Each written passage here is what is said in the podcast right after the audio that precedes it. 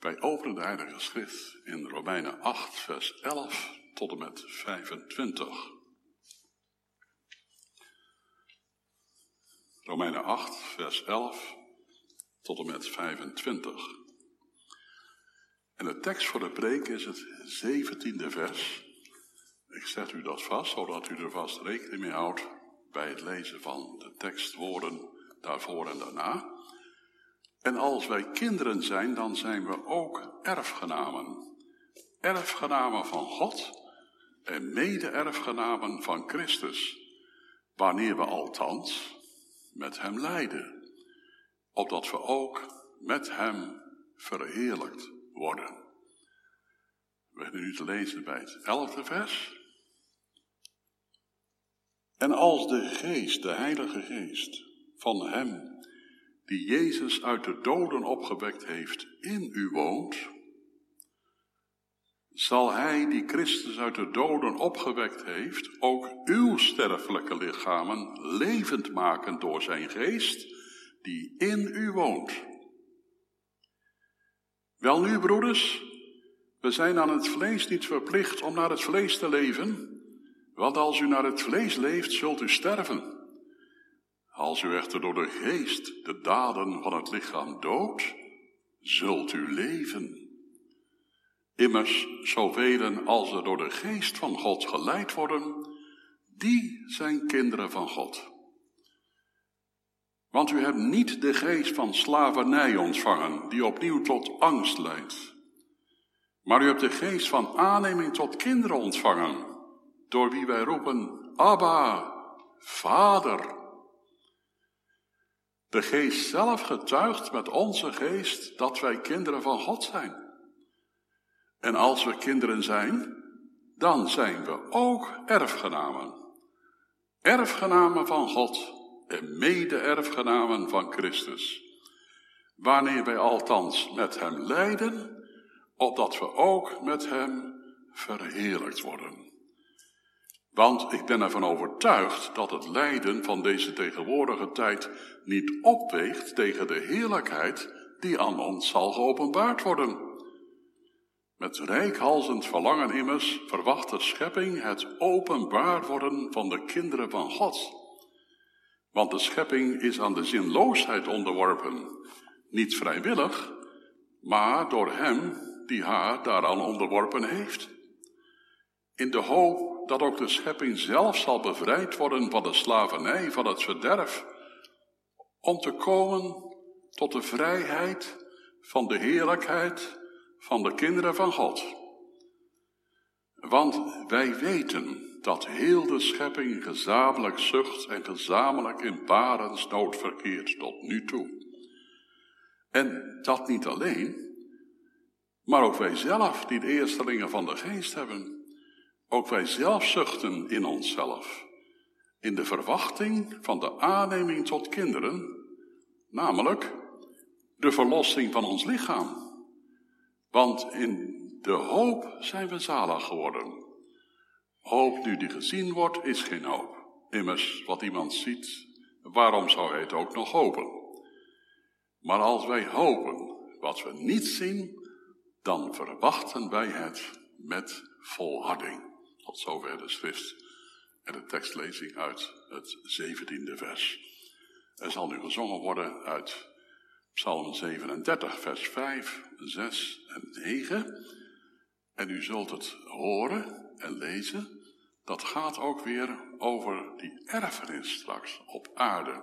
Jezus heeft immers gezegd, de zachtmoedigen zullen het aardrijk beërven. En niet de hemel, maar het aardrijk. Wel, Psalm 37 is één profetie, één en al profetie over die toekomst. Het vijfde het zesde en het negende vers van Psalm 37. Het is vandaag Vaderdag, kinderen. En als jij een vader mag hebben, dan zul je vandaag daar beslist aan gedacht hebben.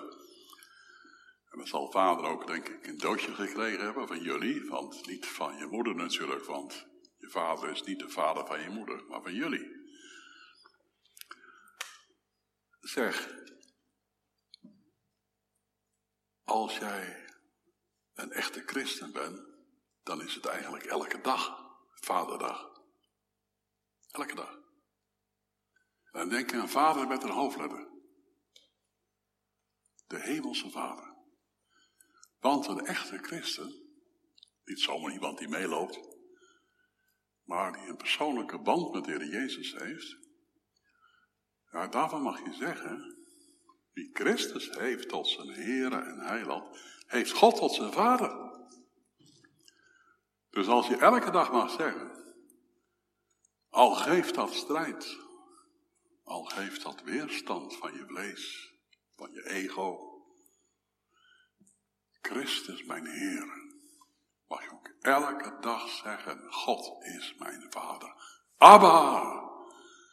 Zoals de kinderen in de tijd van de Bijbel tegen een papa zeiden. Abba. Dat was niet onerbiedig, juist. Daar sprak een groot respect uit voor hun vader. Wel, in Romeinen 8 gaat Paulus uitleggen waarom eigenlijk wij God Vader noemen.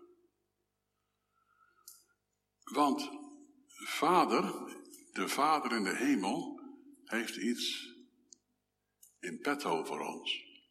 Die heeft een plan. Hij heeft een schitterend plan voor de toekomst. En als er één onderwerp is waar je over moet praten met onkerkelijke mensen, is het wel dit, hè? Want we hebben een gezamenlijke toekomst.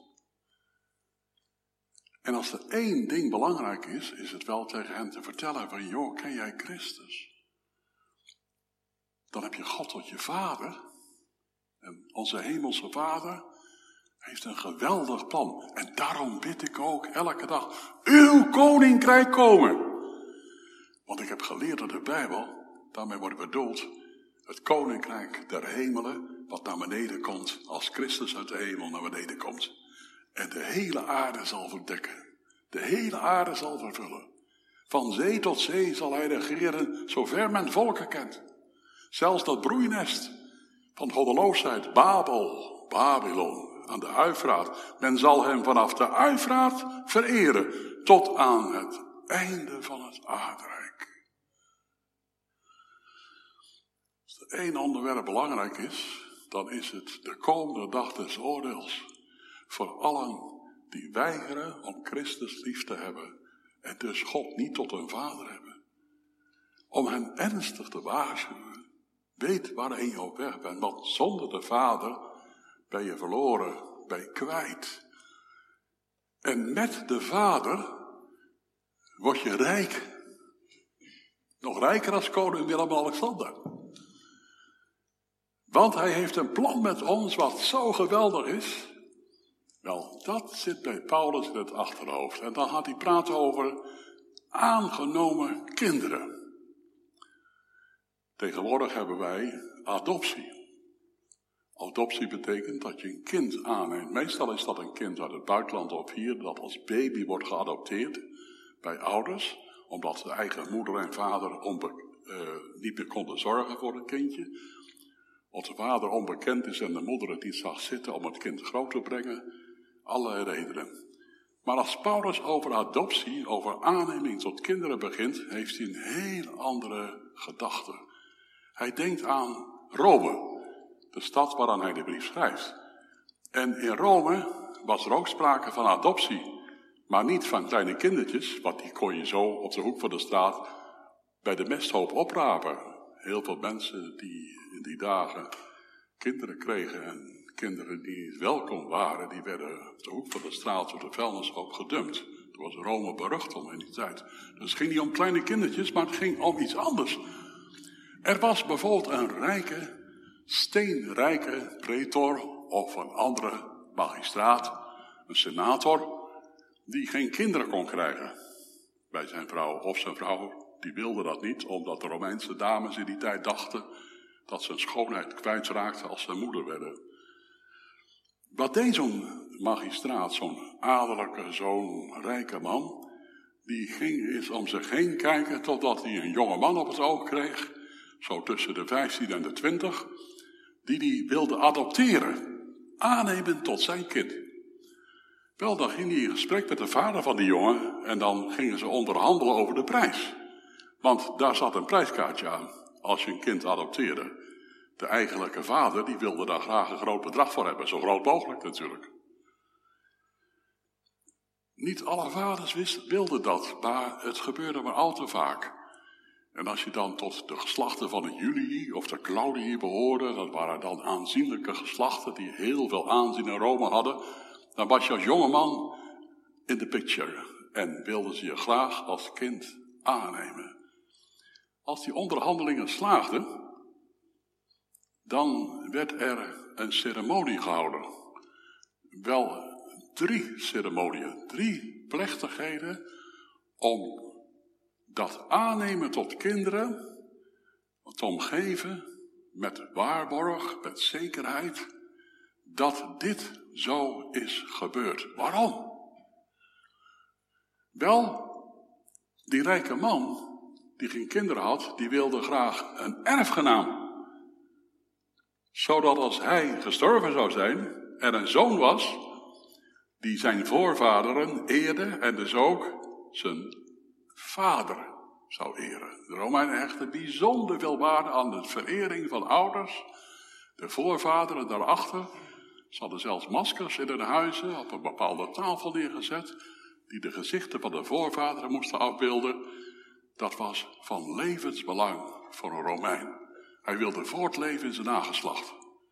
Hij wilde een erfgenaam. Er waren maar liefst zeven getuigen aanwezig als een kind werd geadopteerd de laatste plechtigheid.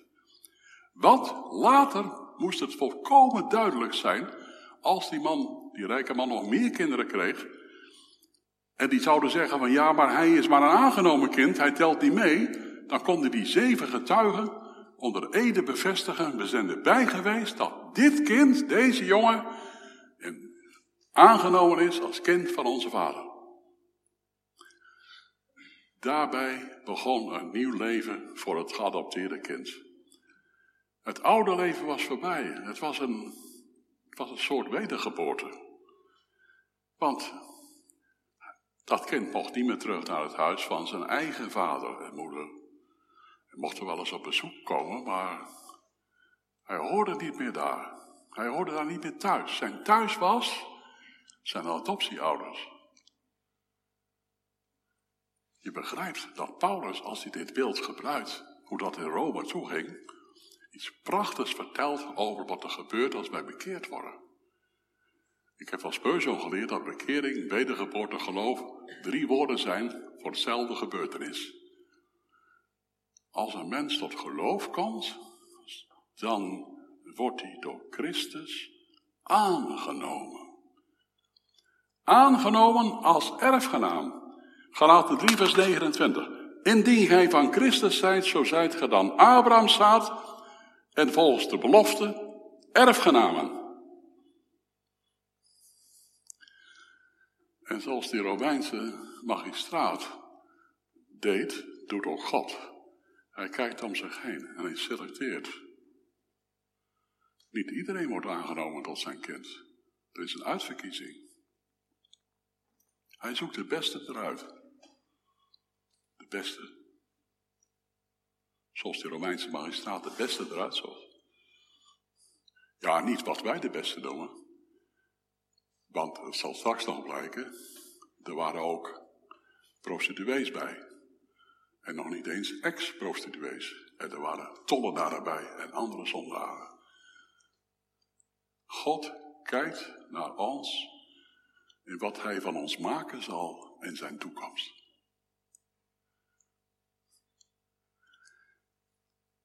En zoals de Heere een mens tot geloof brengt, zoals dat destijds een geadopteerde de hand aan de ploeg slaan en niet meer achterom kijken, en bekwaam gemaakt worden, zegt Jezus, dat zegt Jezus zelf, hè, voor het koninkrijk van God. Wie bekwaam wil zijn voor het koninkrijk van God, zie niet naar hetgeen wat achter is. Dat is het verleden. Dat heb je achter je gelaten. Je bent nu geadopteerd als zoon, dochter, als kind van God. Nu zegt Paulus in onze tekst iets bijzonders erbij. Hij zegt, als wij kinderen zijn, dan zijn we ook erfgenamen. Dat hebben we nu gezien.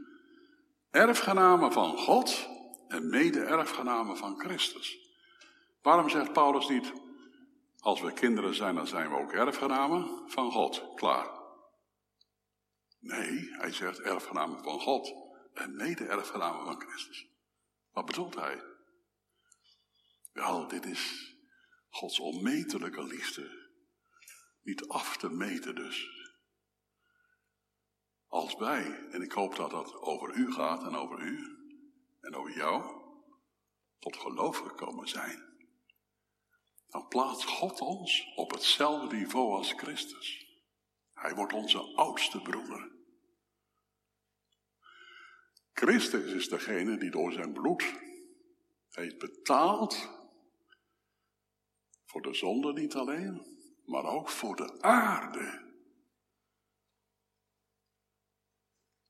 Hij heeft recht op de aarde, op de erfenis.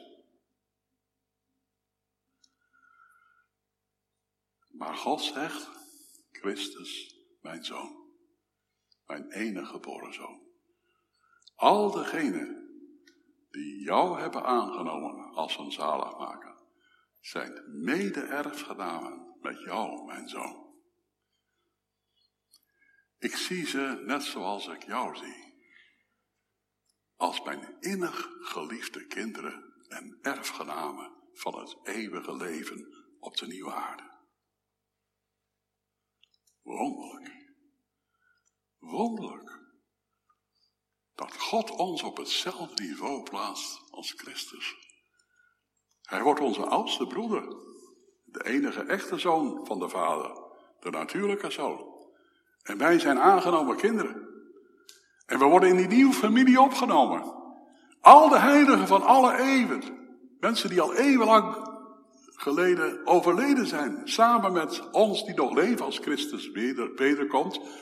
Zijn kinderen en erfgenamen. Dan zegt Paulus er nog wat bij. Hij zegt, er is één voorwaarde die vervuld moet worden.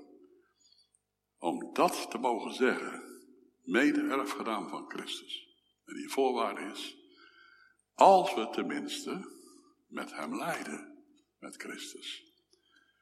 Opdat we ook met hem verheerlijkt worden.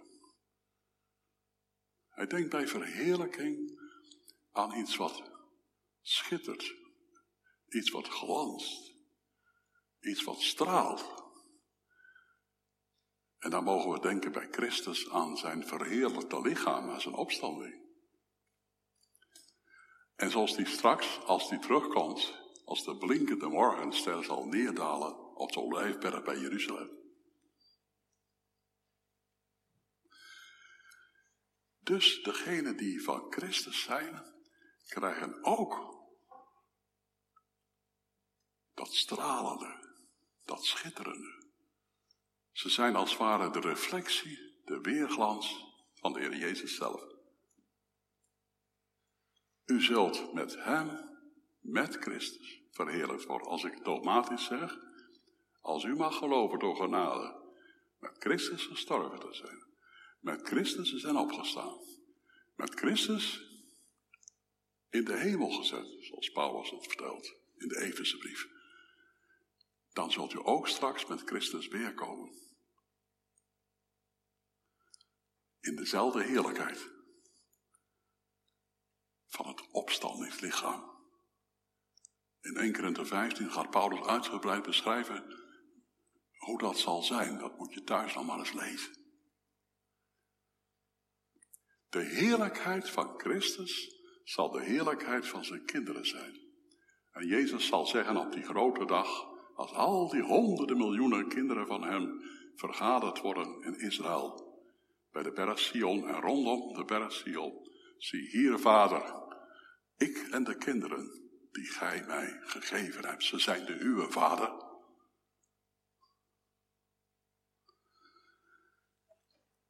Wel mag ik met deze woorden een paar toepassingen maken. Wat betekent het nu dat we erfgenamen zijn voor de toekomst? Zijn wij erfgenamen van de hemel? Nee. Peter zegt al in een van zijn eerste preken na Pinksteren: De Heer Jezus moet opgenomen worden in de hemel, tijdelijk, totdat het moment aanbreekt dat hij weer zal komen. En alle dingen weer opgericht zullen worden. Wat bedoelt hij? Wel, de schepping, dieren, plantenwereld, bergen, bossen, zeeën, noem maar op,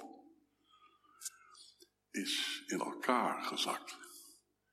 Is totaal niet meer wat het was. Het moet weer opgericht worden. De schepping zal bij de wederkomst van Christus weer worden hersteld. De herstelling van alle dingen, bedoelde Petrus. En hij noemt dat ook op een prachtige manier de tijden van de verkoeling. Want er wacht ons een grote verdrukking voor de wederkomst van Christus. Als de antichrist wereldheerschappij zal hebben, er wacht ons dagen en weken en maanden en jaren Waarvan Jezus zegt, als die dagen niet verkort werden, geen vlees zou behouden worden. De hitte van de gramschap voor de wederkomst van Christus zal een benauwde tijd zijn, ook voor Israël.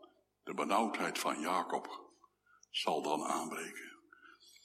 Maar als Christus het op zal nemen voor het Joodse volk en zal terugkeren. Paulus' woorden in vervulling zullen gaan in Romeinen 11, 26. De verlosser zal uit Sion komen en de goddeloosheid van het Joodse volk, van de kinderen van Jacob, afwenden.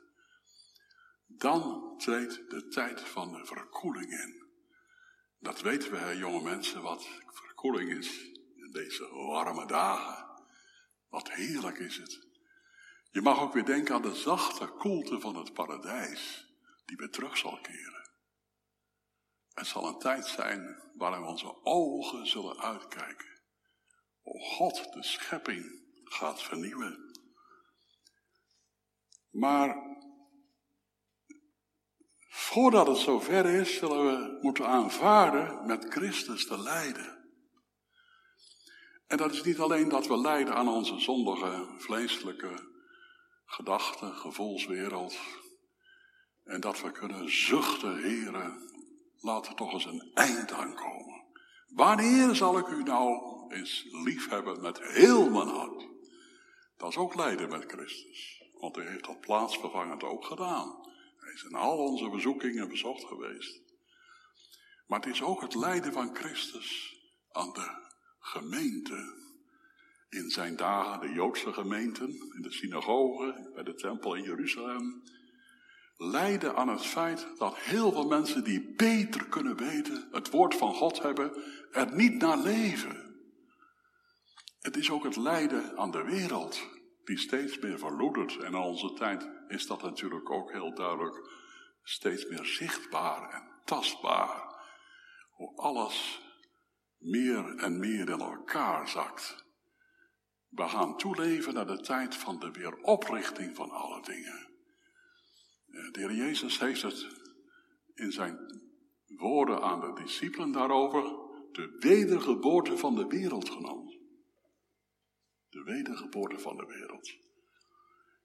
Als wij nu met Christus lijden, maar ook lijden aan de verloedering van de schepping, ook lijden aan de grenzeloze vreedheid van de roofdieren, die uh, andere dieren aanvallen en op een gruwelijke wijze verminken zonder ze eerst te doden.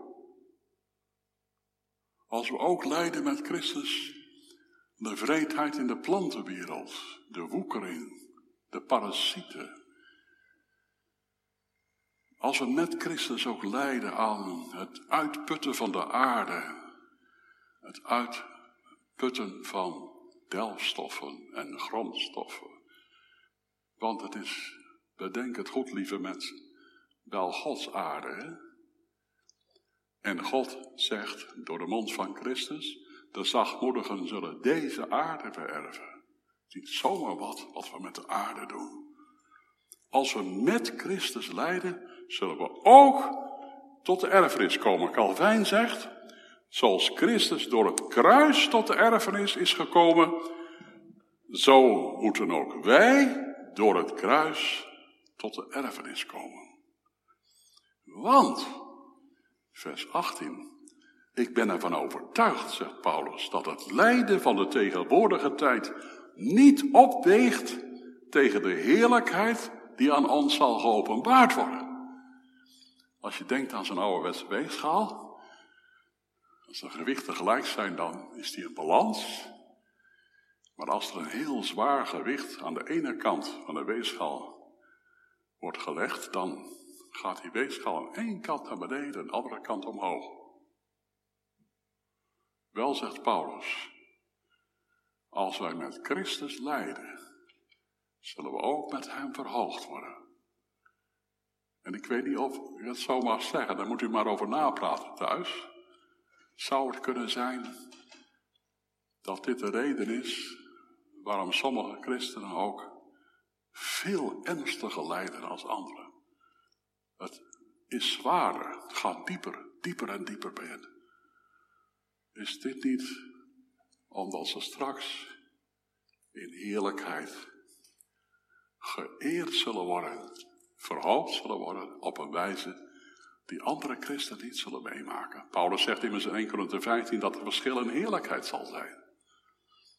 En dat heeft te maken met het leven wat we nu geleid hebben en de dingen die we geleden hebben. Indien we met hem lijden, zullen we ook met hem verheerlijkt worden. En dan zal blijken dat de zwaarte, het gewicht van het lijden van deze tijd niet opweegt tegen de heerlijkheid die aan ons zal geopenbaard worden. En ik hoop dat de Heer me geeft dat als ik terminaal zal worden, eh, stel dat ik dus een ziekbed krijg, dat deze woorden mij een diepe troost zullen geven.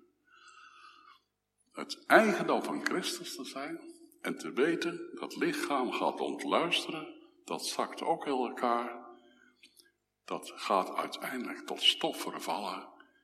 Maar ik weet dat mijn verlosser leeft. En na deze zal ik op de dag van zijn heerkracht, als hij verschijnt aan de kim van de tijd, ontwaken in een nieuw lichaam. En God aanschouwen, verzadigd met zijn goddelijk beeld. Wat is dat een diepe troost.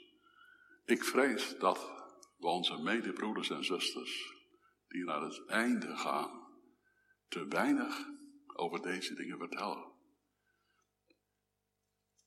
En dat is niet goed. Want zelfs de Heer Jezus moest om het vol te houden denken aan de toekomst. Hebreeën 12, vers 1 en 2. Dat, zegt Paulus daar in de Hebreeënbrief, dat Jezus het volgehouden heeft, dat zit zo. Hij heeft het kruis verdragen, hij heeft de schande veracht, ziende op de vreugde die hem voorgesteld wordt. Hij keek uit naar de vreugde van zijn wederkomst, van zijn vrederijk op aarde. En de mede-erfgenamen met wie hij de aarde zal binnenwandelen, om ze elk hun eigen plek te wijzen. Al die miljoenen. En om hen de snoeren te laten vallen. Om zelf de snoeren te laten vallen, de begrenzingen van hun gebied in lieflijke plaats. De vreugde van de nieuwe wereld, de nieuwe wereld die God zal maken. Ik schep een nieuwe hemel en een nieuwe aarde. Die vreugde, daar dacht Christus aan in zijn meest zware lijden. Dat ging zo diep bij Christus, maar Paulus zegt, God heeft hem ook uitermate verhoogd. En boven alle krachten, machten en heerschappij. Niemand van ons zal zo diep lijden als Christus. En ook niet zo hoog verhoogd worden. Maar we mogen wel met Christus het ervaren. lijden heeft een doel. Niet buiten het christendom.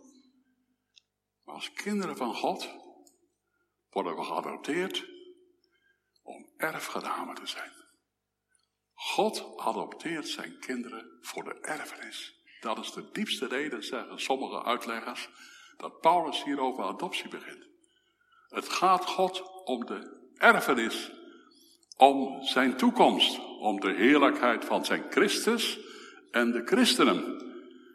Ja, zegt Paulus, vers 19, met rijkhalzend verlangen immers verwacht de schepping het openbaar worden van de kinderen van God. Wat is dat, het openbaar worden van de kinderen van God?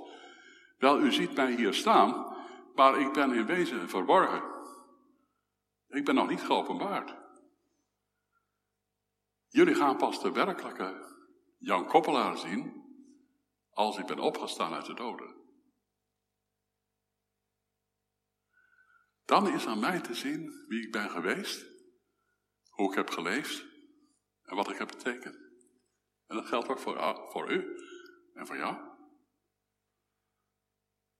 Wij zijn nu nog verborgen. Niemand kan nu aan mij zien dat ik een erfgedaan ben van het eeuwige leven. Als het goed is, kunnen de mensen wel zeggen: je, je merkt dat Gods geest in hem woont, want de vruchten van de geest die zijn er. Dat wel, gelaten 5, vers 22. Dat merken we in zijn leven. De vruchten van de geest, maar het is nog verborgen. Wij worden pas werkelijk mens. Zoals God het bedoeld heeft in de opstanding. Dan worden we onthuld. Dan worden we geopenbaard, zegt de Heilige Geest. En dan komt er iets bijzonders bij. Met rijkhalzend verlangen immers verwacht de schepping het openbaar worden van de kinderen van God.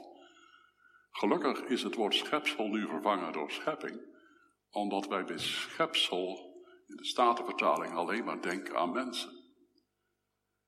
Maar terecht is er nu schepping van gemaakt, want het gaat ook over dieren, gaat over planten, het gaat over bomen, het gaat zelfs over metalen, zegt Calvijn. Ja, Calvijn. Calvijn die niet veel speculeert over de toekomst, daar heel terughoudend in is, die zegt, er is geen element en geen enkel deel van de wereld dat niet op de wederopstanding wacht. Dan zie je die Picardier, hè, Calvijn, die hartstochtelijke man. Hij is niet zo saai en droog geweest als sommige mensen denken hoor. Er is niets in de wereld, zegt hij, geen enkel onderdeeltje van de wereld wat niet wacht op de opstanding van de doden van Gods kinderen. Op de openbaarwording van Gods kinderen. Waarom zegt hij dat? Omdat wij, mensen, de hele schepping hebben laten imploderen door de zondeval. En onder leiding van de tweede Adam, Jezus, gaat het andersom straks. Alles wordt weer opgericht. We keren weer terug naar hoe het was in het paradijs. Blij voor uitzicht dat mij streelt. Straks ontwaakt in een nieuw lichaam zal ik Gods lof ontvouwen. Jezus in gerechtigheid aanschouwen en verzadigd worden van zijn goddelijk beeld, maar dat niet alleen. Want ik ben ook mede-erfgenaam met Christus. Ik ga de aarde binnen om een plek te vinden, te mogen ontvangen van Hem, waar ik beloond zal worden naar mijn werken. Zoals de gelijkenissen van de talenten en van de ponden ons uitleggen. De een zal gesteld worden over één stad, ander over vijf steden, ander over tien steden. We worden onthuld straks. De hele schepping. De dierenwereld, de plantenwereld, onthuld. Die dieren- en die plantenwereld verlangt, bezucht, zegt Paulus even verder, naar de dag dat Gods kinderen weer werkelijk mensen worden. De mens zoals God het bedoeld had. Zoals Adam en Eva waren voor de zondeval. Want de schepping is aan de zinloosheid, vers 20. De schepping is nu aan de zinloosheid onderworpen. Het gaat maar door in een eeuwige kringloop dat dieren geboren worden en sterven. Het gaat maar door. Wat we vorige week meemaakten, ach, het is maar een kleinigheidje, denk je dan, maar het is toch ook een wereld op zichzelf. Die koolmeesjes bij ons in de tuin, die door die heftige regenval zagen dat de eitjes uit het nest worden gespoeld. Och, we hebben er niet wakker van gelegen. Maar wat een leed. Straks zal alles in orde zijn. Wolken, lucht en winden zullen onder leiding van de tweede Adam, Jezus Christus, niet zomaar hun gang kunnen gaan. Het zal alles door de vrede bloeien. Het zal alles weer zijn zoals, het God, zoals God het bedoeld had. De schepping is nu aan de zinloosheid onderworpen. Niet vrijwillig. De schepping, de dieren, de plantenwereld heeft er niet om gevraagd.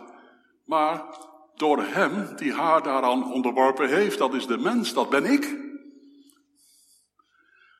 Maar, zegt Paulus erbij in vers 21, in de hoop dat ook de schepping zelf zal bevrijd worden van iets, de slavernij van het verderf, om bevrijd te worden tot iets, de vrijheid van de heerlijkheid van de kinderen van God.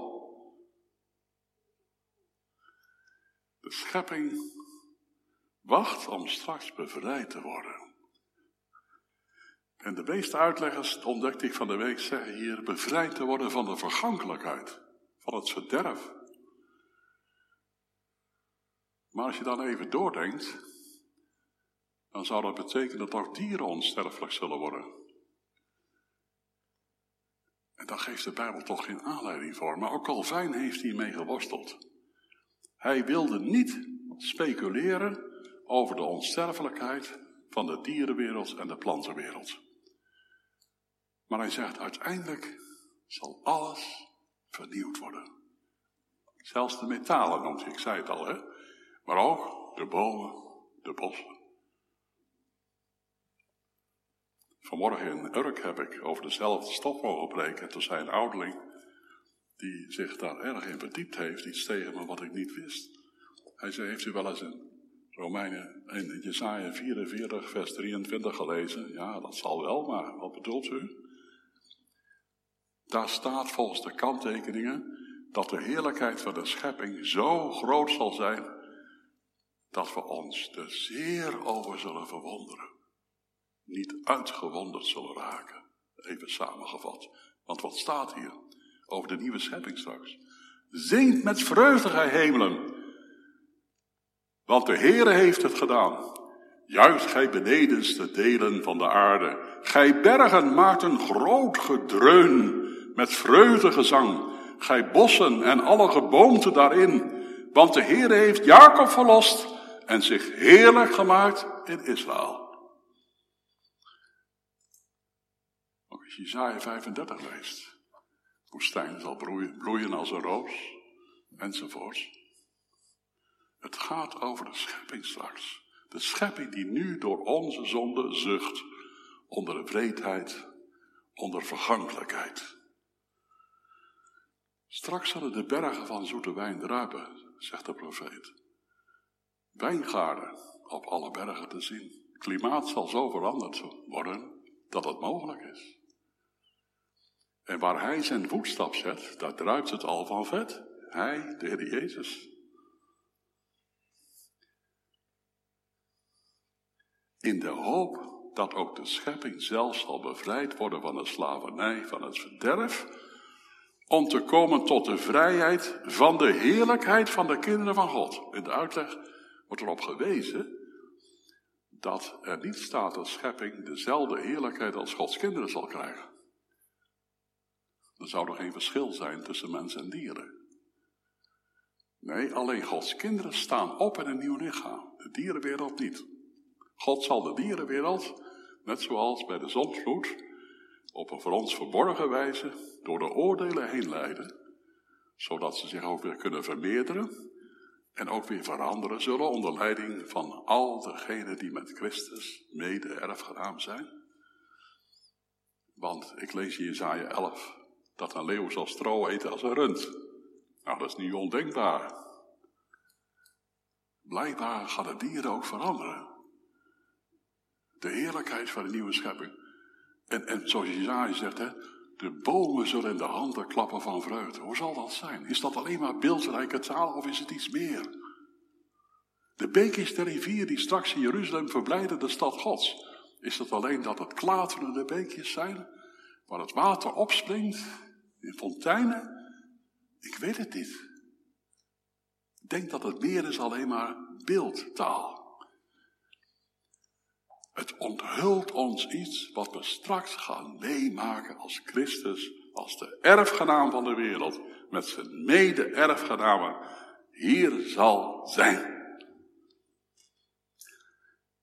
En dan zegt de apostel in vers 22, want wij weten dat heel de schepping gezamenlijk zucht en gezamenlijk in barensnood verkeert tot nu toe. Dan moet je aan een moeder vragen wat dit betekent. Daar heb ik geen verstand van. Die barensnood, ik heb het een paar keer meegemaakt, dat is iets. Ik vind het verschrikkelijk, want je staat als man ook machteloos erbij. Voor zover ik het goed zie, mag zien, verkeren we nu in de tijd van de barensweeën. Dat is een oude Joodse gedachte die al leefde in Israël in de tijd van Jezus' omwandeling op aarde. De rabbijnen leren aan de jongens op de synagogescholen, als de Messias komt, dan komt een nieuwe wereld. Want zie, zegt God, ik schep een nieuwe hemel en een nieuwe aarde. Maar die wedergeboorte van de wereld, die gaat, daaraan vooraf gaat een tijd van de barensweeën van de wereld. Zou het kunnen zijn dat we nu in die tijd leven? Sommige collega's zeggen, dat is al vanaf de hemelvaart van Christus zo. Er zijn verschillende opvattingen over. Wel, ik vind wel in Marcus 13 een duidelijke aanwijzing dat het niet zomaar altijd zo geweest is dat die parens weer waren. Want daar wordt toch duidelijk gesproken over hongersnoden, pestilentiën, aardbevingen op verschillende plaatsen.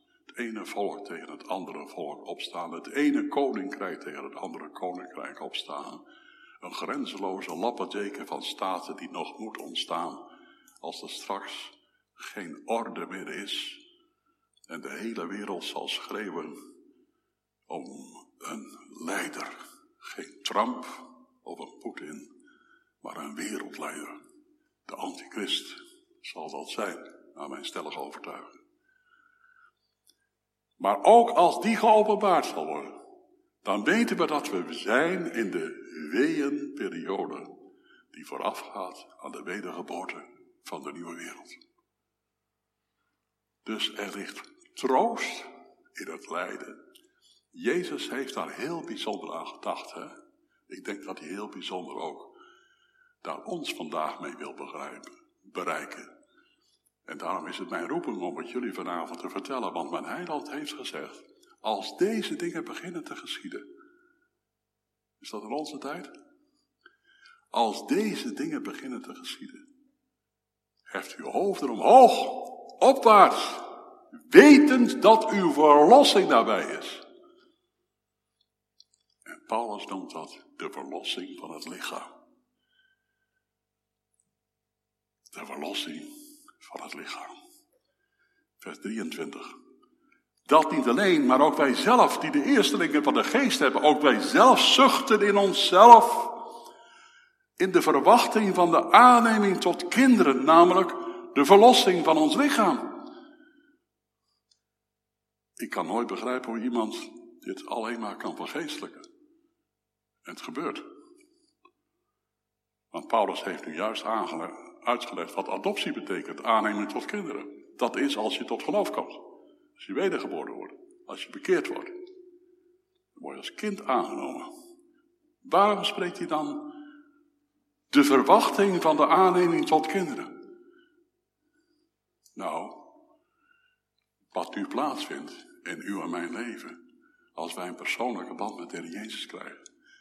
Dat is maar heel voorlopig. Dat haalt het niet bij wat we straks zullen gaan meemaken. Als het lichaam der zonde verdwijnt. Dat ik niet meer kan huilen. Dat ik geen pijn meer kan hebben. Dat al die zorgen die als een centenaars last op je schouders kunnen drukken, van je af zullen. Dat je lichaam, wat zo vaak aanleiding geeft tot verdriet, omdat het vlees is, wat niet wil wat de Heilige Geest wil. Dat lichaam wat zoveel zorgen kan geven om handicaps, ook psychische handicaps, zoveel zorgen kan geven omdat we ziek worden, chronisch ziek worden, misvormd worden, geopereerd moeten worden. Sommige mensen 10, 15, 20 keer. Er komt een dag, zegt de Heilige Geest, dat het lichaam verlost wordt. De opstanding van de doden. Daar zijn alle verklaarders het over eens hoor. Het gaat hier over de opstanding van de doden. Dat is een nieuwe aanneming tot kinderen.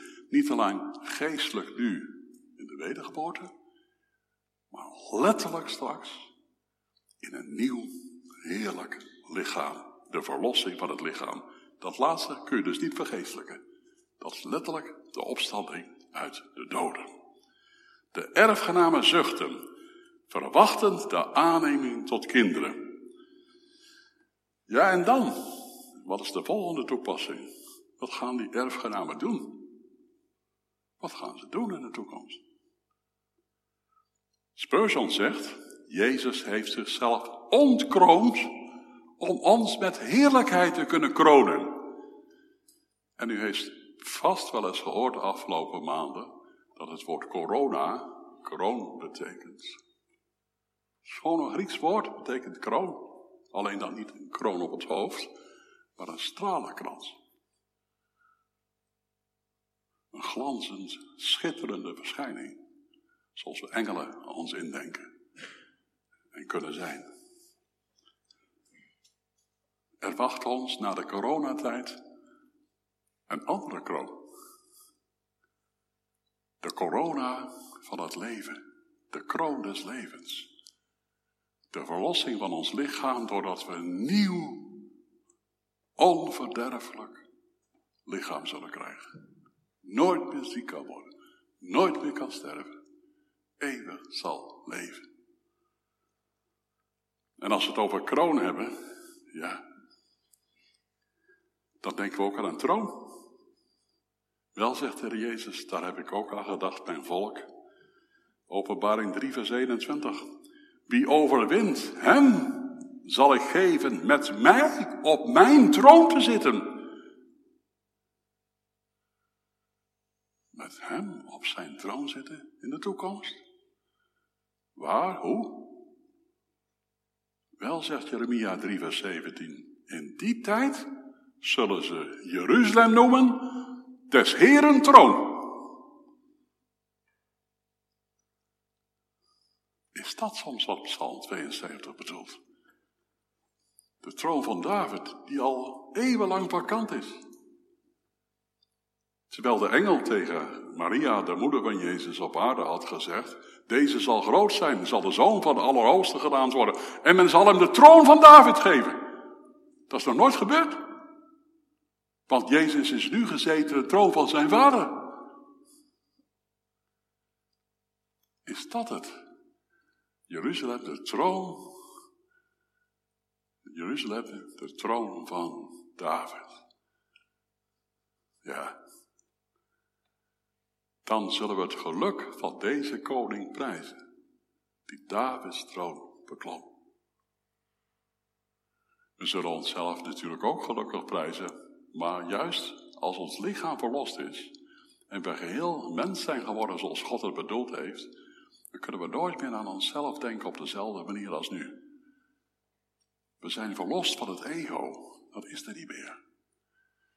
Dus het gaat ons niet in de eerste plaats erom dat wij gelukkig zijn, maar dat Jezus gelukkig is.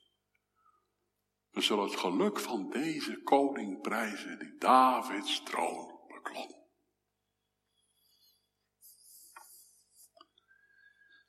Wat gaan die erfgenamen nu concreet doen? Ze gaan met Christus heersen. Op de aarde, niet in de hemel, op de aarde. Paulus zegt tegen die jonge kerel Timotheus, die toch het een en ander meemaakte, wat hij moest leren verdragen in zijn leven. Timotheus, als je nu verdraagt, zul je straks met Christus heersen. Wat bedoelde Paulus? Hij legt in 1 Korinthe 6, vers 2 en 3 uit, dat dat betekent in de eerste plaats de wereld oordelen. Al die biljarden mensen die geleefd hebben. Paulus die schrijft daarover de aanleiding van het feit dat in de gemeente van Korinthe er mensen waren die ruzie maakten en daar de aardse rechter bij haalden. Die moest dat geschil oplossen. Dan zegt hij verontwaardigd, weet gij niet dat de heiligen de wereld zullen oordelen? En het volgende vers, weet gij niet dat de heiligen de engelen zullen oordelen? De engelen, de engelen zullen oordelen. Heel concreet vult Paulus in wat de eerste taak zal zijn van ons. Heb je het al gedacht? Als ik een mede-erfgenaam van Christus ben, gaat het mij ook overkomen. Dat ik met Christus in zijn troon gezeten ben en zal oordelen. Zoals de discipelen te horen kregen dat zij de twaalf geslachten van Israël moesten oordelen in de wedergeboorte van de wereld. Zoals Jezus het zegt. Maar de christenen uit de heidenen, die oordelen de wereld. En de engelen. Ach, dan mag openbaring 20, vers 24 niet ontbreken. Waar de Heer Jezus vanuit de hemel die openbaring geeft aan Johannes op Patmos. En ik zag tronen en zij zaten op dezelfde. En het oordeel werd hun gegeven. En ik zag de zielen die onthoofd waren om de getuigenis van Jezus en om het woord van God. En die het beest en de zelfs beeld niet aangebeden hadden. En die het merkteken niet ontvangen hadden aan hun voorhoofd en aan hun hand. Dat gaat over die laatste periode. Voor de wederkomst van Christus, waar we nu vlak voor staan, voor zover ik mag zien. Teken van het beest enzovoorts. Maar wat staat er nu? Van mensen die volhard hebben die hebben leren verdragen. Die met Christus hebben geleden. En zij leefden. En zij heersten als koningen met Christus de duizend jaren. Hier heeft de kerk van de eerste drie eeuwen de gedachte vandaan. Dat als Christus terugkeert, de rustdag van de schepping zal intreden. Aarde bestond 6000 jaar. En die laatste duizend jaar, de zevende dag, de dag van de Sabbatsrust van de wereld. U weet dat ik persoonlijk ook die opvatting aanhang, maar ik ben absoluut niet wisgierig als mensen een andere opvatting hebben. Met Christus heersen.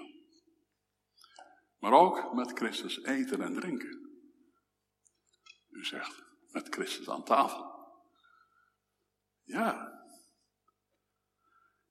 op een gegeven moment werd door de Joden gevraagd aan de Heer Jezus: uh, Waarom eet en drinkt u met prostituees en tollenaren? Ik denk dat Jezus hen ernstig aangekeken heeft. En dat hij naar die prostituees en die tollenaars met grote liefde gekeken heeft. Hij zag al wat hij van die gevallen vrouwen en mannen zou gaan maken in de wederoprichting van alle dingen. Hij zag het al voor zich. En hij zei tegen de discipelen, pas op. Hoor je die fariseeën en die schriftgeleerden? Ze weigeren te geloven in mij. Oh, haar lot zal vreselijk zijn. Maar jullie, pas op hoor, discipelen. Want het kan zijn dat hoeren en tollenaren jullie voorgaan in het koninkrijk van God. Dat is dat vrederijk van de toekomst. Dat zullen we toch niet meemaken. Want ex-prostituees en ex-zondaars, tollenaars ons voorgaan, ons kerkgangers die ons leven lang hier gezeten hebben op een andere kerk.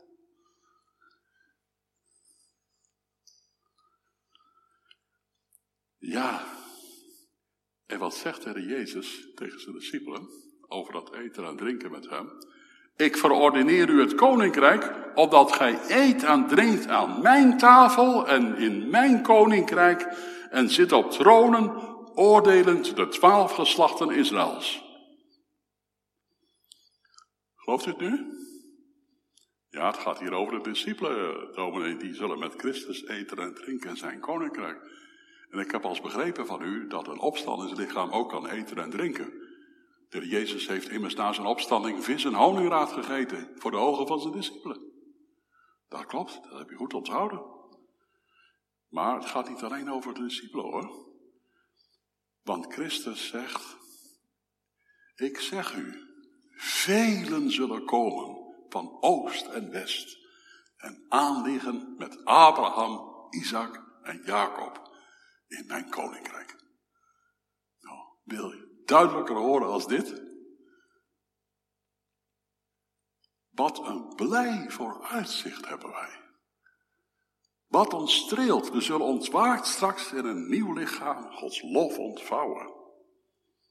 Ik eindig met een citaat van Spurgeon, die aangeeft dat wij als erfgenaam ook landbezitters worden. We zullen concreet de aarde beërven.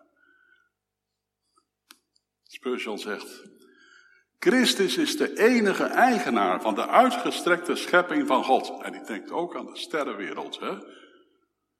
waarin de zwarte gaten zullen verdwijnen, zouden we in onze tijd zeggen. Hij denkt ook zon, maan, sterren. De uitgestrekte schepping van God ziet Spurgeon niet alleen als de aarde, met alles wat erop is, maar ook het heelal. Christus is de enige eigenaar van die uitgestrekte schepping van God. Hij is de erfgenaam van alle dingen. Maar omdat wij mede-erfgenamen zijn met Hem, mogen wij ook alle dingen als het onze beschouwen. Spurgeon, ik wou dat ik je nou kan spreken. Hoe is dat in de hemel? Als je met de heilige daar dit bespreekt. Wij weten alleen van u, Spurgeon, in de hemel, dat u voorts verwachtend bent met al de heiligen daar tot de dag aanbreekt dat Christus kan terugkeren en alle dingen gaat oprichten. En al zijn vijanden en onze vijanden aan zijn voet onderworpen worden. Hoe zal dat zijn, Spurgeon?